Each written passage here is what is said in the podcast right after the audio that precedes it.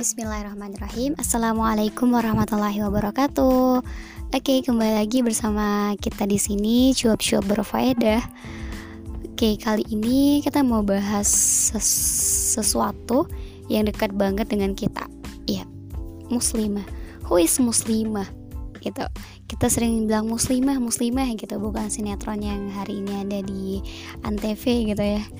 Nah jadi muslimah itu adalah panggilan bagi setiap wanita muslim atau Islam yang diiringi pakaian takwa, akhlak yang karimah dan beriman kepada Allah Subhanahu wa taala.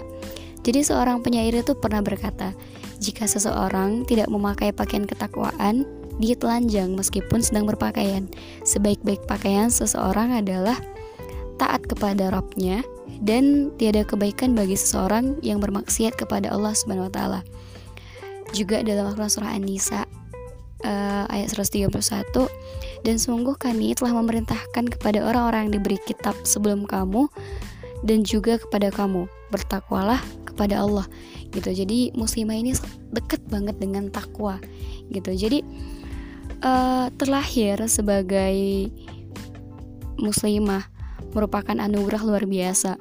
Meskipun terkadang terbesit dalam pikiran kenapa seribet ini kenapa sesakit ini kenapa ada aturan ini itu kenapa mesti pakai perasaan gitu tapi di situlah letak kemuliaan yang hebat dari seorang yang dilahirkan sebagai wanita atau muslimah.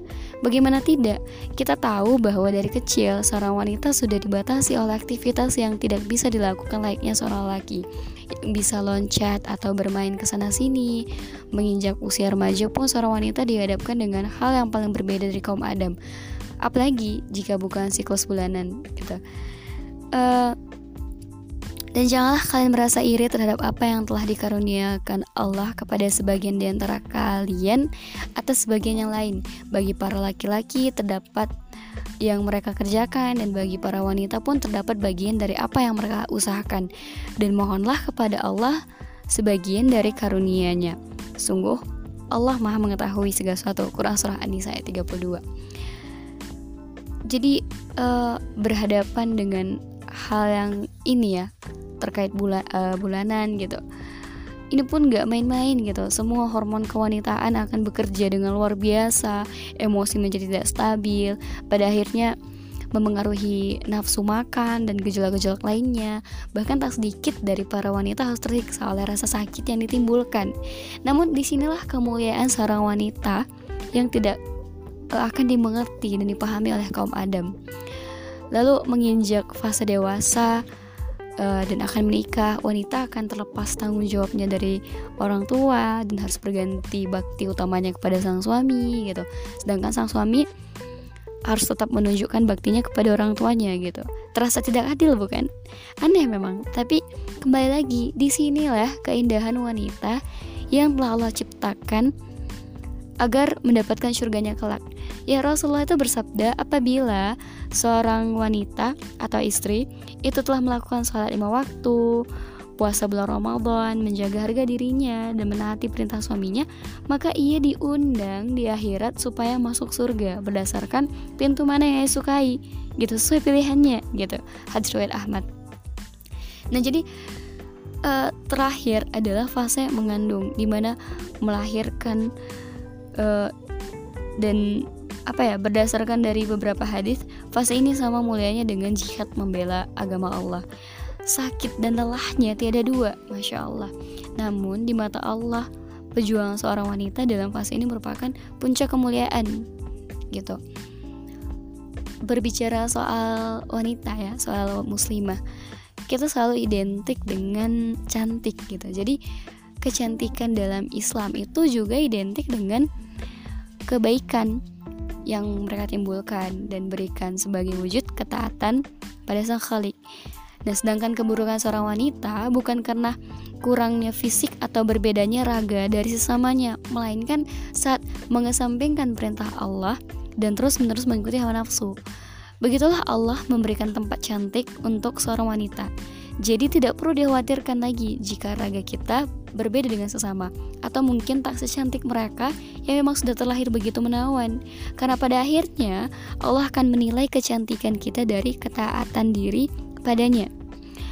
tidak ada seorang wanita pun yang tidak spesial di mata Allah. Kita boleh menerima untuk terlahir apa adanya. Namun, kita tidak bisa membiarkan diri untuk mati tanpa meninggalkan karya.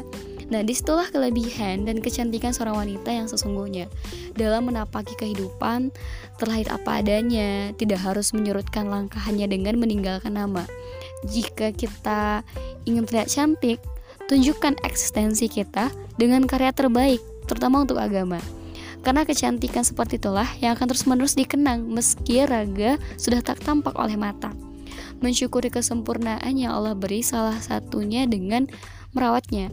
Namun, perlu kita sadari bahwa apa pun yang berlebihan di dunia ini tidak pernah ada baiknya.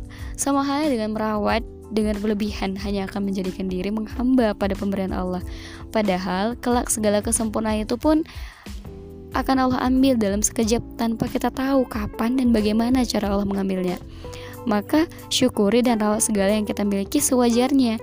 Niatkan karena Allah yang telah memberikan nikmat kecantikan cuma-cuma sebagai wujud pembalasan rasa sayang kita kepada Sang Maha Sempurna.